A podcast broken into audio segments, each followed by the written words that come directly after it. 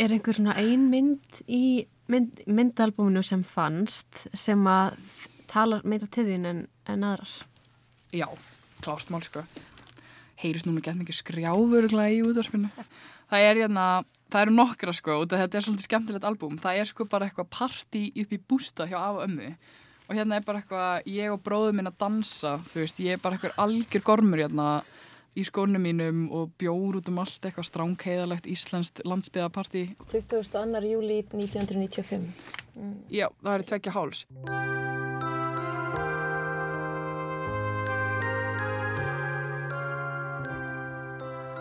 Þetta er geggja sko, amma og, amma og afi hérna, ég held að amma sé hérna einhver starf á brjóstahaldarinn bara í, í sólbæði, þetta er bara, þetta er eitthvað svo einfalt líf hérna í bústanum, þetta er einhver sirpa úr bústað. Hér erðu við í Elisabethu Brynjastóttur en henni fá að kynast betur í þætti dagsins. Þú ert að hlusta á glans. Í þessum fyrstu þáttum reynum við í hlutverk og áhrif ljósmynda frá ólíkum sjónarhornum. Í síðasta þætti skoðum við fyrirbærið fjölskyldu album og sögu fjölskyldumynda. En í dag ætlum við Anna að halda áfram þar sem frávar horfið og skoða stöðu fjölskyldu albúmsins á okkar stafrænu tímum þar sem við flest tökum myndir í þúsundavís. En hvernig myndir eru við að taka í dag? Og hvernig varvitað er eða gerum við það yfir höfuð? Hvað verður síðan um þær eftir okkar dag Hefur ykkur ókunnugur mögulega gamnaði að blaði gegnum myndi mínar eftir að daga mín eru taldir?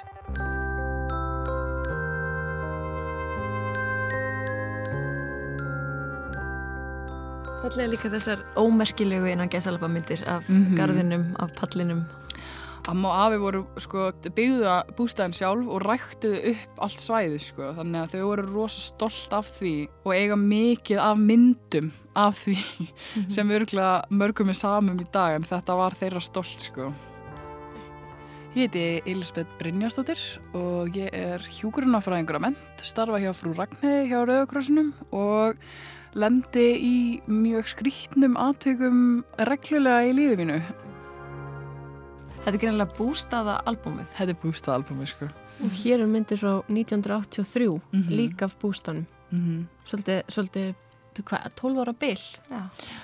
Þau eru að skrásitja, held ég, hvernig þau byggðan og ræktuðu upp allt svæði kring og svo greinilega enduðu það á svaka partí. Það er mjög áhugavert líka að sjá hvað er haldið vel utanum myndirnar bara með því að skrifa eina línu hverja mynd, dagsendingu og og mm -hmm. viðbörð og einhver nöfn sem maður náttúrulega gerir alls ekki í dag þegar þetta er allt bara í símanum og mm -hmm. Var þetta gleymist að þennan hérna titil undir ömmu og, og Hanna og Guðmundur í Sveiblu 70 ára ammali hönnu 20. annar júli 1995 Hanna eru þau bara á pallinum í sumabústanum í Sveiblu Svolítið skemmtilegt. Mm -hmm. og þú veist þess að ég er að tala um veist þetta eru bara eitthvað einhverja myndir, bara eitthvað. En það er samt svo gaman að skoða þetta og það maður fær svolítið svona væpið einhvern veginn eða svona fílingin, svona andrumslofti sem er í gangi.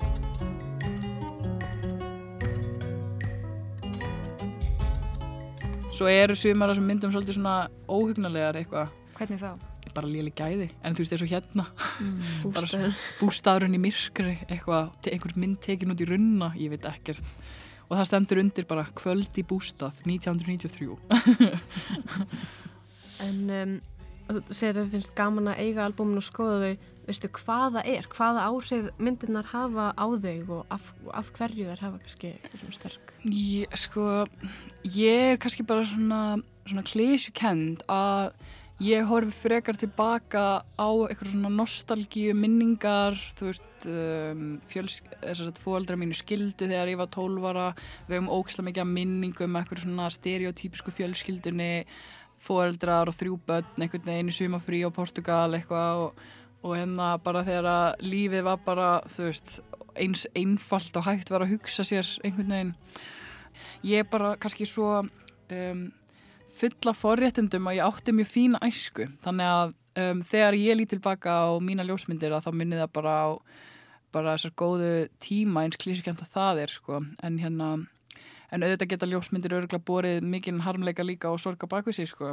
En hérna um, það hefur ekki hingað til verið raunin með mig, það er kannski þegar að færi snær úlingsáranum sem ég verður svona bara pínlegt út af að ég var í svo mikil tilvistakreppu eitthvað, en og maður sér það bara í augunum á mér á þessum úlingamyndum með hérna slánin ég með hérna rokkið hár sem er greitt og sem var bara allt út í lofti og með spángir og gleru og vissi ekki hvað ég ætti að gera í lífinu og hérna fyrta ekki inn í neina einhvern veginn útlitt staðla og eitthvað og þá verður maður pínu svona að ég finn til með þessari Elisabeth en fram að því er þetta bara hérna ljúf svona, ég sé fyrir mér svona í hillingum eitthvað, maður situr undir teppi í stormi eitthvað að fletti gegnum einhver fjölskyldalbúum og bara hlæjað finnum minningum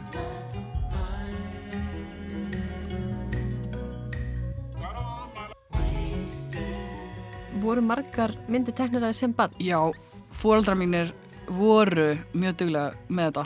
Pappi minn heldur rosalega vel utan um þetta núna, er búin að skanna þetta allt inn tölvu, merkit eftir árum, hann er ég get sæstu tölvuna heima og, og flett upp árunum sko. Og ég sjálf er rosa léleg í þessu í dag, ég áreindar ekki sjálf hérna, börn eða neitt svo leiðis, en auðvitað bara hérna, fjölskyldu sem samanstendur af vinum og minna einn fjölskyldu og ég tek rosa mikið á myndum bara á minn síma, um, er ekki að setja þetta í svona gamaldags myndalbum eins og var gert held ég gamla þetta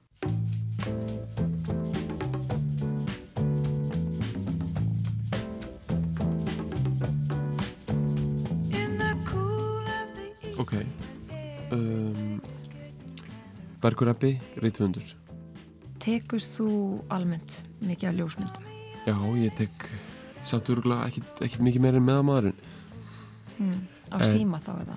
Já, ég hef ekki átt uh, hefðbundar ljósmyndavél í lengri tíma. Uh, ég átti stafrana myndavél þegar ég fekk fyrsta snjálfsíman og kannski notaði hana eitthvað samhliða í einhver tíma. Ég hugsi ég hef ekki framkalla mynd, lotið framkalla mynd síðan bara það var Hans Petersen í hverju sveit. Ég held að ef maður ætlar að framkalla myndi núna þá eru þá maður að fara í svona sér veslanir og það er svona nánast í fyrir aðtunum mennina.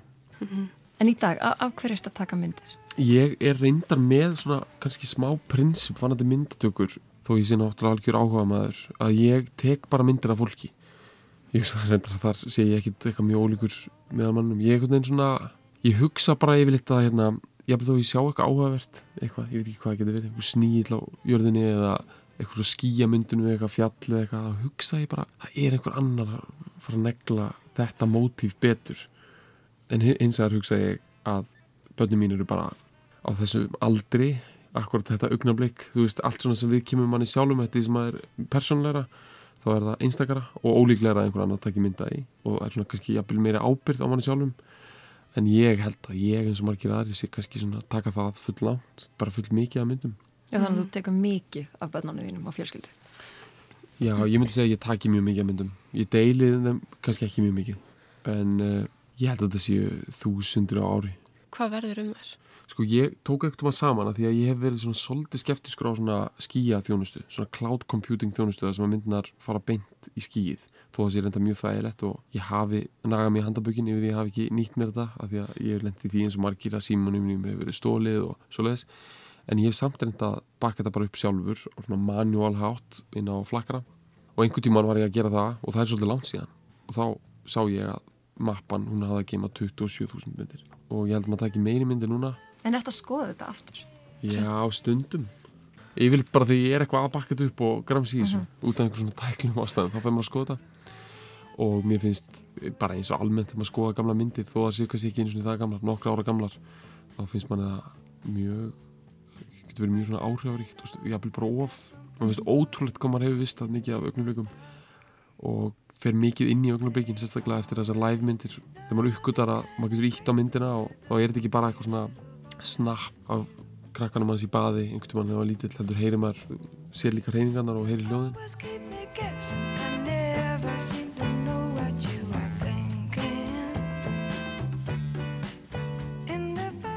Í lók síðasta þáttar hefði Inga Lára Baldvinsdóttir, sviðstjóri ljósmyndadeildar Þjóðminnasaps Íslands, Þetta hér að segja um fjölskyldualbúmið og stöðu þess í dag.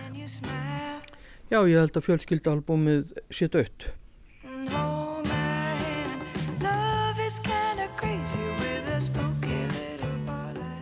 Við heimsóttum ynguláru á Ljósmyndasafn Íslands í yðnar hverfi í verstuveri Kópavogi í síðasta þætti og fengum hana til að fara aðeins yfir þróun og sögu fjölskyldu ljósmynda. Ljósmyndasafni hefur sapnað og skráð og varveitt ljósmyndir, glerplötur, filmur, skyggnur og önnurgögn sem tengjast ljósmyndun Íslendinga frá 1908. Hver sem er getur í raun komið myndir á safnið og er þar þar alveg að finna alls konar myndir úr hverstæslu lífi Íslendinga frá upphafi ljósmyndunar á Íslandi. Þarna eru 6,5 miljónir ljósmynda sem að gerir ljósmyndir að stærsta efnisflokki þjóðmjörnsapsins. Við fengum að kynast Ingu Láru í síðasta þætti og eins og þá kom fram þá hefur hún lifað á hræst í íslenskum fjölskyldumyndum til fjölda ára. Ég var með eina spurningu hérna varandi sko því þú sagðir að fjölskyldalbúmið er dögt og fer svolítið eftir hverjum og einum bara hvernig hann heldur utan um sínar myndir, stafrænu myndir. Já, og, og fyrst og fremst á stafrænu formi. Einmitt, sko Þú hvernig, horfir ekki á þau sko, ég minna, hefðin var náttúrulega svo að fólk þekkti fjölskyldalbúmið. Fjölskyldalbúmið eða fjölskyldalbúmin, þetta lág einhver staðar og það gáttu allir flett í gegnum þetta. Veist, þetta var ekkit lokað þannig að fólk kom í heimsókn og það kannski fletti albúminu og, og, og þú veist, það verður þér kunnulegt, þú lærir að þekkja fleiri í fjölskyldunni kannski gegnum albúmið.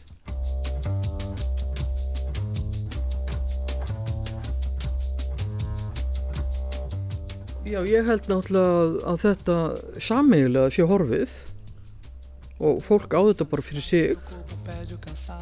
Lungu eftir að margt annað er farið þá getur fólk haft gaman að því að fletta myndalbúmi sem það þekkir af sér og sínum en ég held að fólk sé ekki að búa til einn mynd, myndalbúm í dag sko. finnst að pæli líka sko því að það fer enginn í síma hjá neinum öðrum, mitt eftir ekki í hug að, að byggja um símaðinn Katrín og, og hérna, og láta þau opna myndalbúmi og fá að fletti gegn, það er bara, það er Nei, það er ekki gert, nei, það er mjög óviðhengandi og það er, einst, nei, og það er einstakasinnum sem maður segir já, má við aðeins sjá myndina? Skiluru, fólk er eitthvað svona að segja manni eða sína, þá vil maður sjá þetta almenn og fær aðeins að halda á símanu smá stund frá einhverjum öðrum, en þú flettir ekki myndalbum annara sem að voru samegn, sem voru félagsleg samegn fólks Eu respeito a decisão.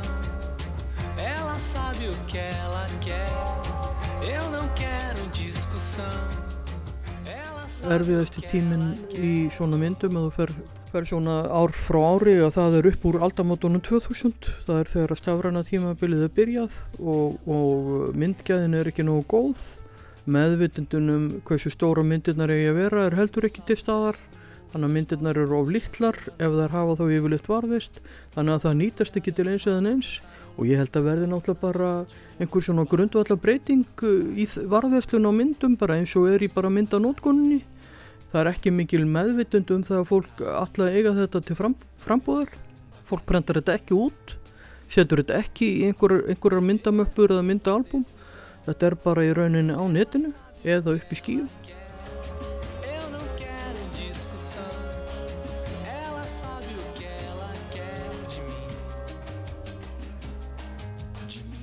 Ég heiti Æsa Sigurjónsdóttir og ég er eh, listfræðingur og dósent í Háskóla Íslands. Sko, það er mjög mikil þversögn í þessu öllu vegna þess að við tökum miklu, miklu, miklu fleiri myndir heldur en áður var gert og, og það er bara sko einhver sprenging, ég hef ekki tölur yfir það en, en bara allra síðustu tveimur, þreimur árum skils mér að það hefur orðið algjör sprenging í heiminum. Þannig við notum myndirna miklu, miklu meira heldur en við vorum að gera bara fyrir tíu árum. Hins vegar erum við kannski ekki endilega að geima myndirnar eins og, eins og var gert hérna áður. Menna, jafnvel ungt fólk, ég kannski ekki þeir sem eru fættir uh, árið 2000 eða síðan en þeir sem eru fættir á 2000 þeir muna sjálfsagt flestir eftir myndaalbúmum sem að myndir voru framkallaðar og límdar inn í albúm og, og þegar við flettum slíkum albúmum að þá sjáum við að flestar myndirna þær tengjast einhverjum atbörnum. Það hefur verið að ljósmynda uh, útskriftarvislur og brúðkaup og ferðalög og, og þetta eru svona myndefni sem voru að þróast alla 2000 öldina. Eh, Ég held að myndefnin hafi breyst mjög mikið og ég held að það ég eftir að rannsaka það heil mikið og ég held að það sé mjög spennandi að, að til dæmis að velta fyrir sér auðvitað fólk enn að mynda brúðkaup og annað slíkt en, en, en hvað er ungt fólk að mynda núna og það vera, það hljóta að vera fullt af nýju myndefnum sem að sko vaksa upp úr þessari já, samfélagssprengju. Nú margir tala um það að ljósmyndin sé eiginlega valla lengur ljósmynd. Hún sé miklu meira orðin bara samskipta form. Þess vegna vilja sumir tala um eftir ljósmyndun eða postfotografi. Og þannig að það er ekki myndin í rauninni sjálf eða höfundurinn sem skiptir kannski máli heldur er það fyrst og fremst bara hvernig myndirnar eru notaður og, og hvernig það er virka á samfélagsmiðlum. Og það er svona kannski það sem að svona nýja rannsóknir í ljósmyndum bei, beina svolítið að því hvernig við eigum að svona halda utanum þetta og hvernig við getum kannski búið til eða, eða beitt einhverjum nýjum fræðikenningum á það sem er að gerast núna.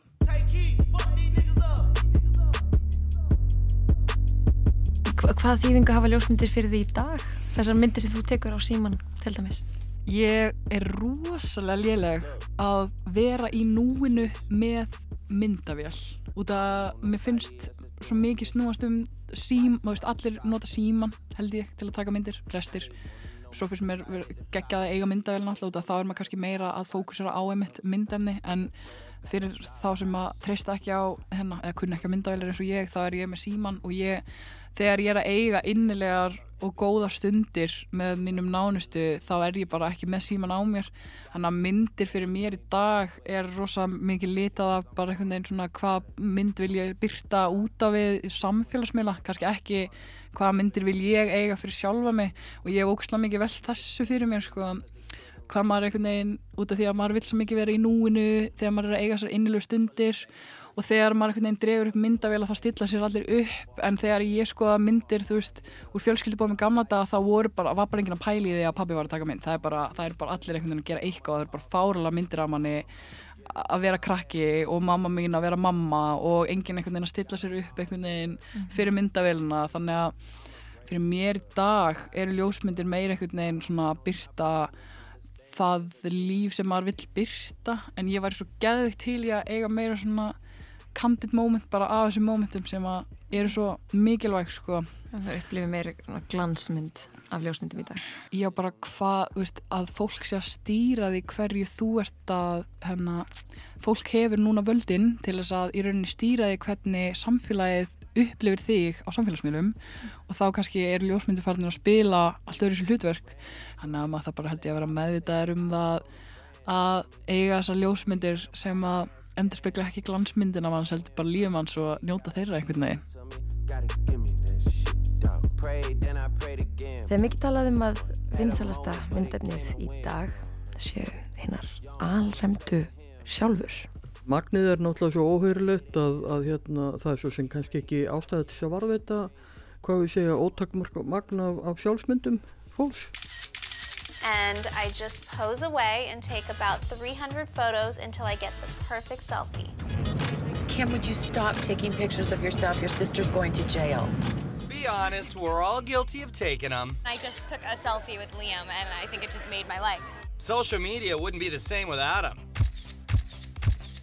Mér sýnist náttúrulega fólk sé fyrst og fremst að taka myndir á sjálf sér og hafi í rauninni voðalega takmarkaðan áhuga öðru heldur en því sko. Hvað segir það þér, Ég ætla þér bara um að okkar fara tíma? út í það að tala um það við þig hvað það segir mér. Skilur það verður náttúrulega svo mikið grundvalla breyting þegar að ljósmyndavélinn ha, fer úr því að snúa frá þér og í það að snúa að þér.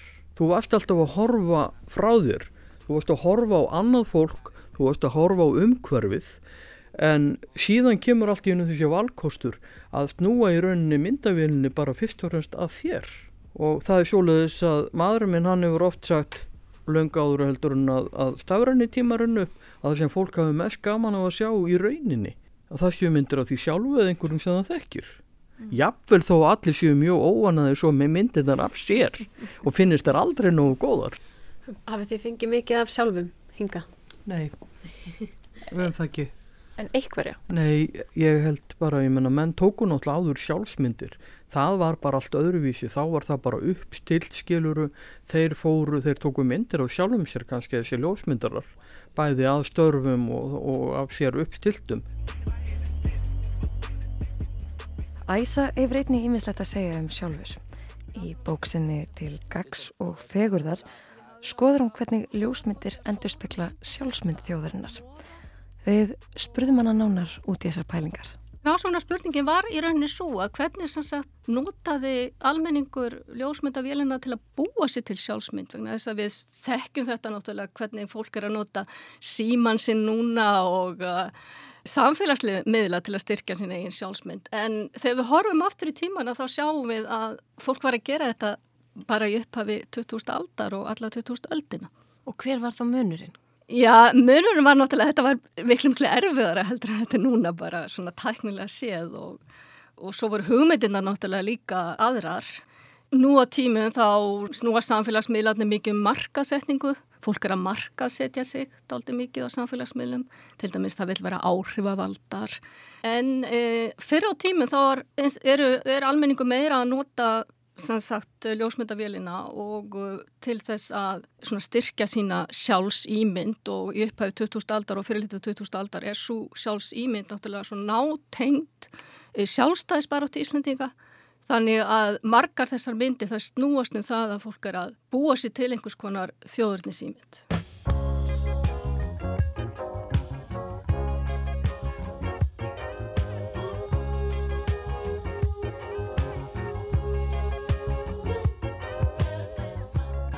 Þið hljóti nú að fá sjálfur með tímanum ef að þið haldið áfram að fá myndir, hverstaslega myndir frá Íslandingum. Já, það getur það, er bara það, af því að þetta í rauninni gerist fyrst og næst mynd, myndaegnin, hún vex fyrst og næst við kynnslóðaskipti. Mm. Þú veist, þannig að það er fólk sem er að deyja þá fyrir fólk í gegnum það sem er til mm. og, og hérna, og þá, þá allt í hennu hugsaði hvað ég nú að gera við þetta, þetta er óalega mikið sjólaðis eða fólk fyr, finnur hjá sér þörð það kannski með eitthvað sem þið finnst mjög interessant. Að, að er með myndi frá einhverjum viðburðið eitthvað sem þið villendilega koma hingað.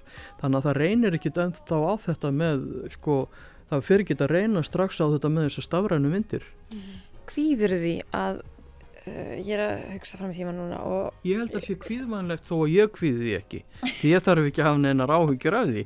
En það er hvíðvænlegt og við sjáum það náttúrulega að, að hérna að það getur vel verið að þrengist mjög í rauninni mynd heimurinn. Já, því ég var að hugsa sko, ef ég degi á morgun, það kemst engin inn í tölvuna mína, það kemst engin inn í gognum mín, þannig að alla mína myndir sem ég var að taka, það er ekki það að skipta einu máli í dag, það kom ekki til að skipta einu máli fyrir þetta safn og ég get ímynda mér að, að þetta sé veruleiki margra, þannig að hvíðir þú því að fólk degi í framtíðinni og það verða bara engar myndir Nei, ég held bara þá, þá bara taka við einhverjur aðrir tímar, skilur, ég held að þá verður bara einhvers konar hugarfarsbreyting, kannski getur vel verið að þá hafi fólk bara ekki áhuga á þessu. Ég veist að það geti bara, þró, þróunin getur orðið þannig að, að það sé, fari ekki takt, sko. Það verður orðið því lík náttúrulega bara samfélagsbreyting síðastlegin 20 ár, bara í gegnum tækni þá er ég að tala náttúrulega bara um síma og tölfur og allt svo leiðis, á auknum þunga, auðvitað voru tölfur náttúrulega komnar áður en en, en það, þróunin sem þetta er svo ör þannig að maður sér náttúrulega alls ekki fyrir og, og hérna en við finnum alveg að fólk er að spyrja um alls konar hluti og, og skilur ekki í því ekkur, ekkur, það er ekki til myndir á þín eða þessu. Og, hérna og það er samt í þessu fátæka mengi sem var. Nú vorum við að tala um náttúrulega þetta resa, resa mengi það sem hver einasti maður líka með við að segja myndar á hverjum einasta degi. Sko það er það sem er svo skrítið nú eru teknar mun fleiri myndir en hafa nokkuð tíma verið teknar ætla ég bara að leiða mér að fullera það en varðvislan er Það gæti farið svoleiðis og hún er því mjög takmörguð En til dæmis myndir sem ekki aðunljósmyndir er að taka heldur bara við og fjölskyldur okkar og vinnir hvað sé hann verður um þær þegar við kveðum þennan heim? Það veitum við ekki. Það verður fróðlegt að sjá og Nú það var sjálfsagt flestir lendi því að finn ekki myndirnar sem að þeir voru að taka árið 2005 eða jafnvel bara 2010. Þannig að uh, það stöndum við fram með fyrir heilmiklu verkefni. Nú uh, kannski skiptir það ekki máli, við vitum það ekki enþá hvað, hvaða máli það skiptir. Við vitum það allavega að, að, að allir þessar miljónir sem að, af ljósmyndar sem verið er að taka þannig að bara lítið hlutið þeirra sem að mun varveitast og, og það er svo sem gerðist líka hér áður fyrir að, að við erum bara alltaf að horfa á eitthvað lítinn hlutamynda sem varvittist.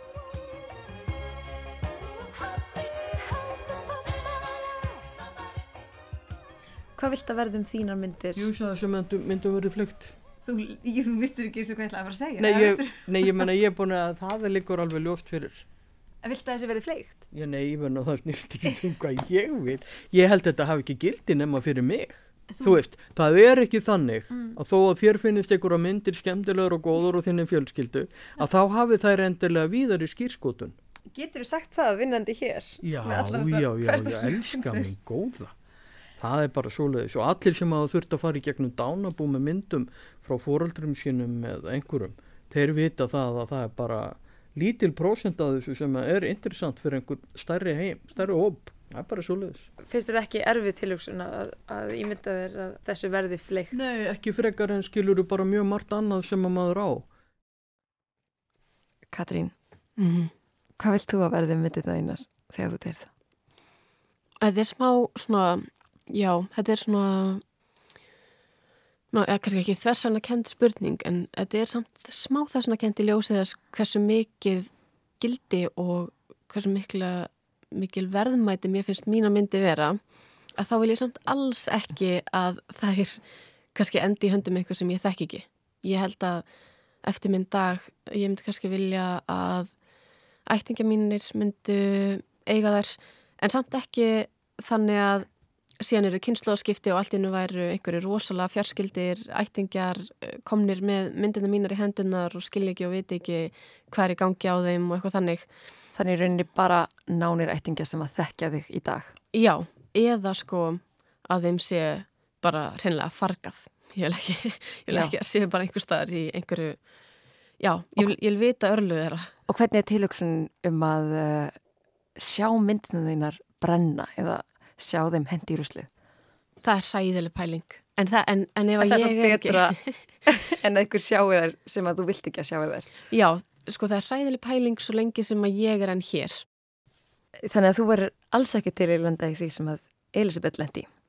Nei, en það væri samt örgulega gaman að hafa svona góða sögu upp í erminni við ímest tækifæri.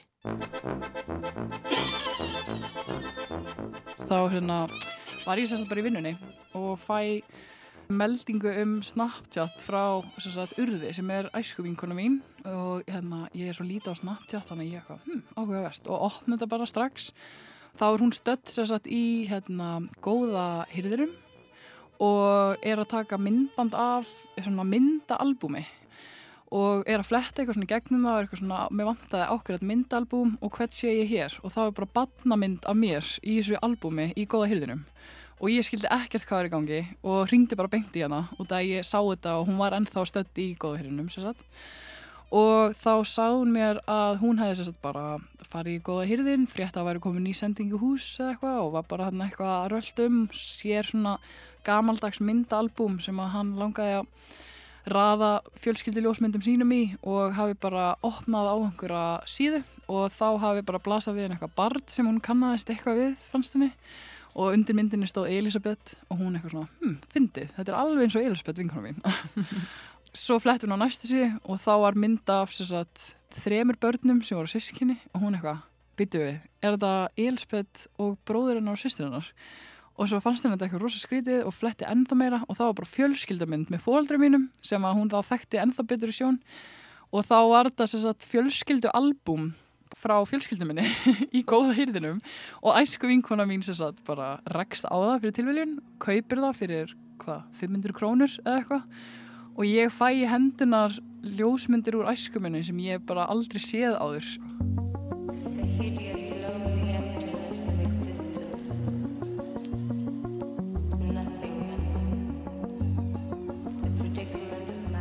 Nei, og afi sem sagt dó fyrir ég er svo léleg með ár örgla þreymur án síðan. Og þetta er að koma til mér núna. Það er eitthvað, eitthvað fallegt við það. einhverjar svona við þáttum rosa vænt um afa og það eru myndir á okkur hann líka þannig að þetta er eitthvað eitthvað svona falleg heims, heimskraftar sem að eru að færa þetta albúm í mínar hendur áttur Og þú veist ekkert að hvernig þetta myndaalbum endar í góða hyrðinum? Sko, það eru alls konar samsæðiskenningar sem að voru svolítið viðkvæmar í jólabóðum árið 2019 um það hver hendi albúminu. það var svona smá svona mördi mystery party. Hver, hver var morðingin? Nei, tjók. En hérna sem sagt, afi og amma eru bá, bæði hérna látin og þegar afi dó sem hérna, hann dó eftir henni þá var náttúrulega dánabúið bara gert upp og þau áttu ótrúlega mikið af albúmum.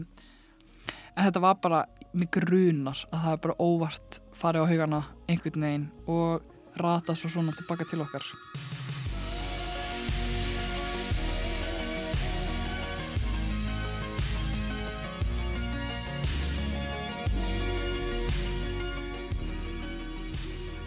Jæja, Anna, svo ég beini nú spjótum að þér. Þér finnst og þú kaupir mikið af myndum annara. Þannig að til dæmis hefðu myndir Elisabethar auðveldlega geta lent í þínum höndum. Já. En hvað finnst þér þá um tilugsunna um að ókunnir kaupi þína myndir? Já, einmitt. Mér finnst þetta erfið spurning af því að ég elska ljósmyndamarkaði erlendis. Ég elska að fara í gegnum myndir annara, gamlar myndir annara. Ég hef eitt mörgum tímum að fara í gegnum þúsundu ljósmynda á svona markaðum. En ég hef í rauninni ekki pælt í því fyrir núna hvernig mér myndi líða ef að mínar myndir væri í þessum bunkum. Og ég held að stuttasvarið sé að mér væri sama. Því þessar myndir annara skipta mig svo miklu máli og þá gleði það mig að ég mynda mér að myndir mínar getur haft svipu áhrif fyrir einhvern annan. Mm En Anna, ef ég má spyrja þig að því að eins og ég segi, ég var einn skoði gegnum það myndir sem þú hefur keft á til dæmis bara mörgum, ljósmyndamörgum í París af öðru fólki og eitt mörgum klúktímum og farið gegnum þúsundi mynda þetta er heila, er tvær spurningar sem ég hef verið að fáveitnast sérstaklega, hvað kost þessar myndir, hvað er að borga fyrir þær? Mhm. og eru þær verðlagðar mismunandi, já og svo sérstaklega, hvaða myndir velur, akkur kaupir myndina sem þú kaupir af öllum þessum þúsundum Góð spurning. Sko, það er kosta vanalega eina efru, ein mynd, ein efra sem að einhverjir getur talið bara mjög mikið. Mér finnst það fínt verð af því að mér finnst þessar myndir bara svo magnaðar oft. Þær eru verðlegaðar á mismöndum áta.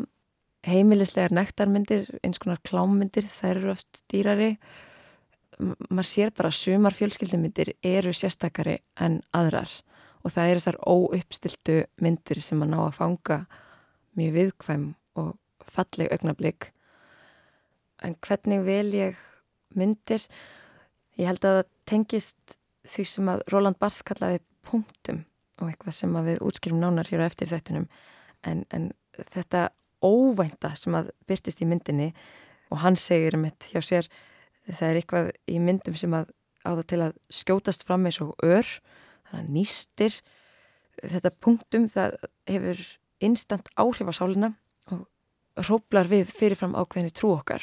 Og þetta er ákveðinni svona töfrar sem ég finnst að ljósmyndir búa yfir. Og ég held að við upplifum þetta punktum á mjög ólíkan máta.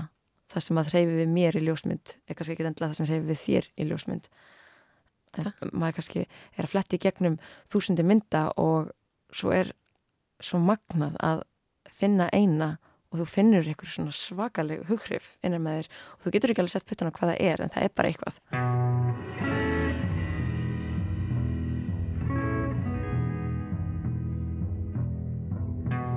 Finnst þér í lægi samt ef að hérna, segja svo eitthvað myndi kaupa myndirnar úr dánabúinu þínu og selur þær síðan á markaði Nei, í mér Berlín finnst það nú ekki skemmtilegt. Nei. ég hef svo gaman að því að vera á þessum mörkuðum og skoða fjölskyldumyndir annara á nú orðið sapn fjölskyldumynda annara Og það er vonum sért að Ó. gera þáttin. en, en sko, eða er það siðlaust? Nei, nei, það er ekki síðlust en ég bara vil geta mínar myndir. Nei, ég skil Nei, ég menna, mér er alveg sama hvað aðrir gera við sitt. En þau eru örugglega sömu skoðan að þú, þau vil ekkert að ég sé að skoða myndirna sínar Nei, nei, en þetta, ég hef alveg, ég hef alveg kift myndir hérna fyrir þjóðminninsafnið Mhm. úr Fordverslunum með myndaalbumum lifandi fólks. Ég hef alveg staðið frammi fyrir því og af því það var áhugavert efni þá kifti ég það. En ég velti fyrir mig hvers vegna viðkomandi einstaklingur hefði látið þeir frá sér. En það getur vel verið að það komi þeir tímar að myndaalbumin skiptir mann ekki lengur máli um að sé ekki í upprifinni. Því auðvitað er þetta fyrst og fremst upprifin og min- minnis svona atriði að hafa þetta.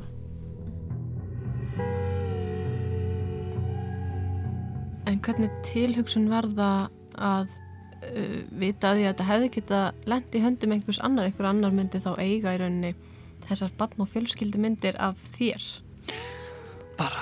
þú veist, það hefði þetta verið bara kannski svolítið skemmtilegt ef að það hefði verið einhver einstaklingur sem að vildi búa sér til fjölskyldu og myndi búa sér til hana með okkur, nei, tjók nei, ég veit það ekki, ég veit það ekki. Hvað gerir fólk við fjölskyldumyndir á öðru fólki? Ég, ég held svo sem ekkert að það hefði aldrei neitt eitthvað slæmt gerst. Annarkvæmst, það hefði örgulega bara einhver tekið þetta og fleiktur sig og það hefði aldrei fengið að sjá þessar minningar eða að einhver hefði bara hengt þetta upp á vegg eins og var það ekki í einhverjum sjónvarsætti Friends eða eitthvað sem að Phoebe held hún ætti eitthvað pappa og mömmu eða eitthvað sem var svo bara eitthvað fólk út af búð eða eitthvað og kannski hafði einhver í Íslandi geta bara púla það eða eitthvað, ég, eða púla það, þetta var líka íslenska en kannski hafði einhver bara geta sett mynd af börnunum í veski og verið bara eitthvað, "Já, þetta eru börnum mín en það er bara fyndið tilhugsun Oh my God, where did you get this? Uh, Macy's, third floor, home furnishings. This is. This is a picture of my dad. Uh, Phoebes, that's the guy that comes in the frame.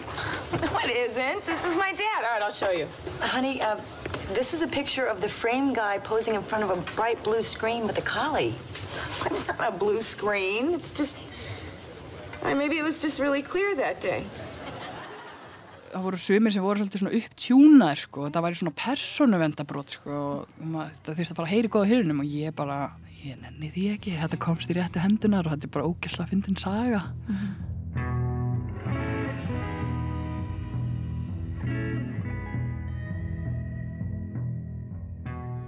Að því vorum að tala um hvernig þeir sem eru á myndum og myndefni getur orðið mögulega söluvöru á ljósmynd að þegar svona myndir til dæmis úr dánabúum ganga síðan kaupum og sölum uh, á mörguðum til dæmis. Er það síðlegt, getur það verið svona einhvers, einhvers konar persónuvendar broti að þess aftar Mm, það held ég sem nú, mm, ég veit ekki hvort að gilda þannig lög um, um ljósmyndir sko, uh, eða um það sem er á flóamörkuðum en hérna, ef sko, ef maður kaupir ljósmynd á flóamarkaði úr dánabúi, auðvitað tengist, þetta, mynd, tengist myndir alltaf einhverjum fjölskyldum eða alltaf einhverjum einstaklingum en myndin er þá náttúrulega orðin, í flestum tilvíkum hún er kannski orðin svolítið nafnlaus, hún er kannski orðin bara einhver hlutur og uh, já, ég veit ekki hvað skal segja. Mhm. Það, uh, ég veit ekki hvaða, hvaða lög gilda um svo leiðismyndir. en svona burt sér kannski frá lögum til dæmis svona ef ég hugsa fyrir sjálfa mig Já. og þetta er mér ekki drosalega þægilegt að hafa kannski vita til þess að myndir að mér og fjölskyldinu minni gengu kaupum og sölum og endur síðan kannski á einhverju heimili í einhverju öðru landi og einhverju hefur borga fyrir þessa myndir af mér en þegar ég hef verið að spyrjast fyrir verðist fólki vera mjög mis svona sama og andum, andum það til dæmis hvað finnist þér? Finnist þér að óþægilegt að vita til þess eða finnist þér gott að myndinar hefur gildi og fengi að lifa áfram? Ég sko, ég sé þetta nú svolítið í samhengi við bara mynd ljósmyndir sem er á netinu af manni sjálfum. Að stundu sér maður einhverja myndir á netinu sem að einhver hefur tekið af manni og mann langar kannski ekki dvolega mikið til að sé á netinu eða, en það er á netinu og maður hefur voðalega lítið um það að segja. Þannig að þetta er svona bara hluti af þessu uh, samfélagi nútímans að, uh, að sko, það er voðalega erfitt að stjórna öllu og ef maður ætlar að stjórna því algjörlega hvaða myndir af manni eh, eru teknar og, eh, og hver dreifing þeirra verður og svo framvegis að uh, það held ég sé mjög flókið sko. Þá þarf bara að ráða einhvern almanna tengil held ég eða, eða fyrirtæki eins og stjórnum að gera sko. maður hefur alveg séð myndir á ljósmyndavefum hjá söfnum á Íslandi þar sem maður hugsar vildi ég vera anneski á þessari mynd. Og maður hugsa nei. Og maður hugsa hefði fólk átt að hugsa sig um tvísvar áður og það settið á netið einhver ásattíð skilur við en það er svo merkilegt að við lifum náttúrulega í ákveðinum, ákveðinu þversög og þversögnun er náttúrulega svo að það sem að svona aðilar eins og svona ljósmyndasöfn getur í rauninni ekki gert að því að mér finnst siðferðisins vegna það gera svo bara einstaklingar ég menna fólk fer á þorrablót og það tekur það kannski 150 myndir og það blastar það bara daginn eftir. Og fólk getur enga vörd sér veitt skiluru þú veist, þú getur ekkit uh, staðið upp og kannski heldur jáfnvel þó þú sért í ástandi til það skiluru og sagt ég vil ekki að þú takir mynda mér hér. Og það er heldur ekki við séð. Þannig að við erum með svona ákveðina tvö, ákveðu tvöföld siðferði í þessu. Til að við alveg sé svona myndir af einhvernum fylliríum og svoleiði sko. Ég trú ekki öðru. Hæ? Nei, ég var bara á fullt að myndum af mér hérna inn á Facebook sem eru bara ekki í lagi. Nú maður fyrir að skoða bara. Ha. Ég bara nenni ekki að fara í gegnum einhverja myndir sem að voru byrtar úr útskrittaferðinni í MR 2009. Jésús. Nei, En nei hérna- sko það er alls konar svona skiljið. Algjörlega. Eftir að hafa setið yfir ljósmyndum úr lífum annara, gamlar ljósmyndir úr lífum fólks, vöknuðu ymsar stórar spurningar um Og pælingum um tilgang lífsins og um hvað þetta allt snýst í rauninni. Bara það er það sem sýtur eftir, eftir að hafa farið í gegnum myndir. Og ég er bara með eitthvað svona magþrúkna tilfinningu innan með mér sem ég bara, ég næði ekki alveg utanum. En þú? Þannig að þú ver- þú verður eiginlega bara að ferði svona existensialiskar pælingar. Já, já, mjög existensialiskar pælingar. Þetta minnir mig smá á það sem að ég rætti um við hana Æsu þar sem hún var að vísa í uh, kenningar sem segja að ástæðan fyrir að til dæmis ljósmyndir að ástæðan fyrir oft hafa svona mikil, mikil áhrif okkur er í rauninni að þetta þrýstur á einhvern sársökapunkt sem komi verulega óvart. Ah, áhugavert. Og þessi sársökapunktur er mögulega, eh, finnst mér, hann er, um, þegar þú horfir á ljósmynd þá ertu að horfa á augnablík sem er farið, þú manst eftir þessu augnablíki og það segir kannski einhverju sögu en þetta er samt augnablík sem er farið og kemur aldrei aftur og ég held að því fylgi alltaf einhver sásöki. Þa, það er eitthvað, eitthvað svona, ég veit ekki, ég get ekki skoða ljósmyndir án þess að hugsa um döðleika minn og, og tilgang lífsins bara. Ég er eiginlega mjög sammála Já. og það er ótrúlega dark og það er svo skrítið því að flesta mínar, mín hugrenningatengsl við ljósmyndir og ljósmyndun eru ótrúlega góður og ótrúlega jákvæð Mm. en um leið og ég byrja að skoða kannski eldri myndir þá er mitt uh, hérna svona maður er einhvern veginn að líta til fortíðar og á sama tíma hugsa þá um framtíðina og einmitt efast um tilgangin. Og maður áttar sig líka á því hvað maður er eitthvað lítill og ungur og heimskur sem er í mótsögn við hvað maður hefur sagt sér áður. Að maður finnst maður alltaf vita ágætlega mikið og maður er að koma sér á okkur stað og hérna, ég er árið 2020, ég er að verða þrítug og, og finnst ég vita ímislegt bara um lífið því ég gengi í gegnum alls konar og kert mér ímislegt en svo þegar maður er með eldra fólki og fyrir að fara gegnum æfiðra og núna kannski hættir þetta að vera skiljanlegt sem ég er að segja en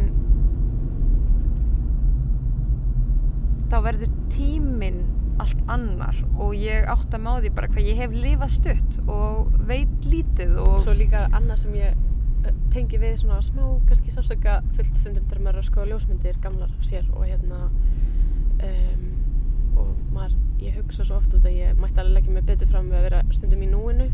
Og ég hugsa mjög oft sem sagt eh, af hverju var maður ekki bara sáttur á þessu augnabliki sáttur með sig, sáttur með allt sem maður hafði sáttur með það sem maður var að gera. Og það verður oft svo mikil eftirsjá uh, eftir því hafi ekki fyllilega kunnað að meta það sem maður hafði. Og náttúrulega allt þegar maður er að líta tilbaka á myndina þá er maður náttúrulega orðin aðeins eldri og ég veit ekki, já. Og þá líka ef þú, ef þú fyllist eftir sjá eins og þú lýsir okkur var ekki sátt með mig og mitt líf eða hvað sem það var þá líka var maður líklega ekki mikið í mómentinu eða í núinu. Og mér finnst það, þar alveg en dimmit ljósmyndir eru eitthvað, eitthvað svona áminning um hvað moment augnablík tími er bara skrítin og mér finnst ég bara aldrei í núinu og þó ég reyni það og þó ég reyni að fara inn í alla þessar mindfulness hugleðingar sem að hafa verið að bylta allu síðustu árin þá bara, að ég veit ekki, að finnst mér það bara bull og ok, það er komin eitthvað, ég veit ekki hvað ég enda en en það er eitt sem ég langar að segja varandi um, ó, það er svo alveg með byrju varandi á meðan að það kemur til þín um, hafður einhverju hugmynd þegar við byrjum að gera þessa þætti um eitthvað svona þannig sé létt efni að maður allavega held um ljósmyndir að þetta gerðin myndi hafa þessi áhrif eða svona mikil áhrif að þig? Vissur það kannski? Mm, nei, eiginlega ekki. Nei. Það er að fara í gegnum svona ljósmyndir bara eins og ágæti sálfræði tími eða eitthvað út af öllum þessum tilfinningu sem koma upp og maður verður að takast á við þær en já. Slíka áhugavert að, að við erum alltaf búin að lesa okkur hans til um efnið skoða þetta út frá ymsu sjónarhóðnum en oftast kannski hans fræðilegri svo einhvern veginn um leið og við erum að skoða persónulega ljósmyndir sem mynda og hafa náð sögu fólks og kannski ættar sögum þá einhvern veginn kemur svo mikið impact Algjörlega Look at this photograph. Every time I do, it makes me laugh. Him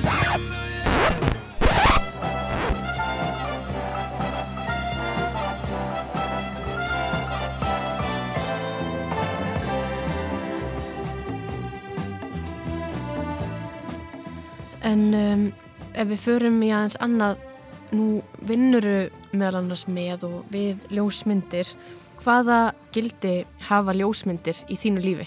Já, ljósmyndir hafa náttúrulega mjög mikið gildi svona innan, uh, sko ég held að sé bara að fullir um það að fyrir allar fjölskyldur þá hafa ljósmyndir mikið gildi og, og gildi ljósmynda hefur náttúrulega verið þannig uh, persónlegt mjög lengi. Vistu af hverju það er? Hvaða er sem að kalla fram þessi tilfinningarlega viðbröð hjá okkur? Já, þetta er náttúrulega góð spurning og margir sem hafa reynd að svara henni nú um, það má kannski vísa þá í kenningu og skrif Róland Barthes, franska takkfræðingsins sem skrifaði heilmikið um þetta og e, nú hann flokkaði eða komið þá kenningu að ljósmyndum mætti skipta í það sem að, eða áhrif ljósmynda þau greindust í það sem að kalla svona, eða hann kallar stúdjum og punktum og að þegar við horfum á mynd og við berjum kennsla á ímislegt sem að tengist okkar menningu eða kannski reynslu að þá er það svona það sem hann nefnir stúdjum, það er þetta menningalega tengta en það sem hann kalla punktum að, að það er eitthvað sem að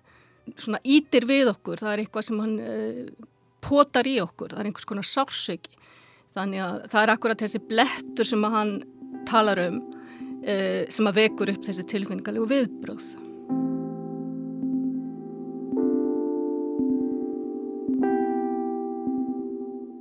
Eins og æsa nefnir þá var ljósmyndin ætíð hugleikin Roland Barthes, franska haugsöðunum, bókmyndafræðingnum og hvaðina annað sem að hann má nú kalla. Hann fjallar meðal annars um ljósmyndir í bóksinni Camera Lucida sem að var meðal síðustu verkans. Innblásturinn að baki bókinni var að stórum hluta lát móður hans Henriettu Barthes en hún lest stuttu áður en hann hófa að skrifa þetta verk. Barth lýsir tildíkni ljósmynd sem að hafði tilfinningaþröngin áhrif á hann.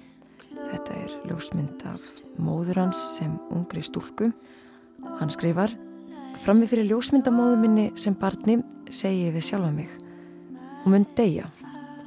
Ég skjálf eins og hugssjóku sjúklingur yfir áfalli sem hefur þegar átt sér stað. Hvort sem fyrirstættana myndin er látin eða ekki, þá er hver einasta ljósmynd þetta áfall. Ljósmyndir færum að dölbúa sig í lífi raunveruleikans. Raunveruleg ásinn þeirra gefur til kynna að efni myndar er eins og það ber fyrir augun. Myndin gefur til kynna að eitthvað er, þar segja að þetta er. Barð segi þó í bóksinni að það sé nær að sjá ljósmyndina sem eitthvað sem var. Þetta var. Það sem er, var um leið og af því hefur verið tekin mynd. Efnið sem á henni lifir er eilíft augnablík sem er nú þegar lungu liðið. Bars orðað að svo að ljósmyndin minni okkur á síbreytilegt eðli náttúrunar. Ljósmyndin er áminningum hverfuleika lífsins, hún er áminningum endanleika okkar og, jú, dauðan.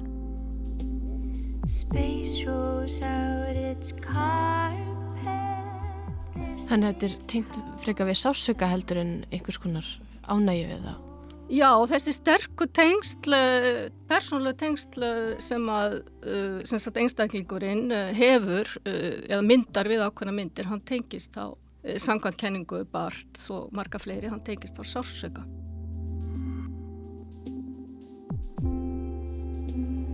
Í hvernig sambandi áttu persónulega við bara all þessi augnablík sem að hverfa stanslust og bara við ljósmyndir. Þú tekur mynd og mómentið farið að eilífu. Þú persónulega, hvernig er tíminn fyrir þér? Ég held að hérna maður sé svolítið að fyrra sér ábyrg með öllum myndatökum.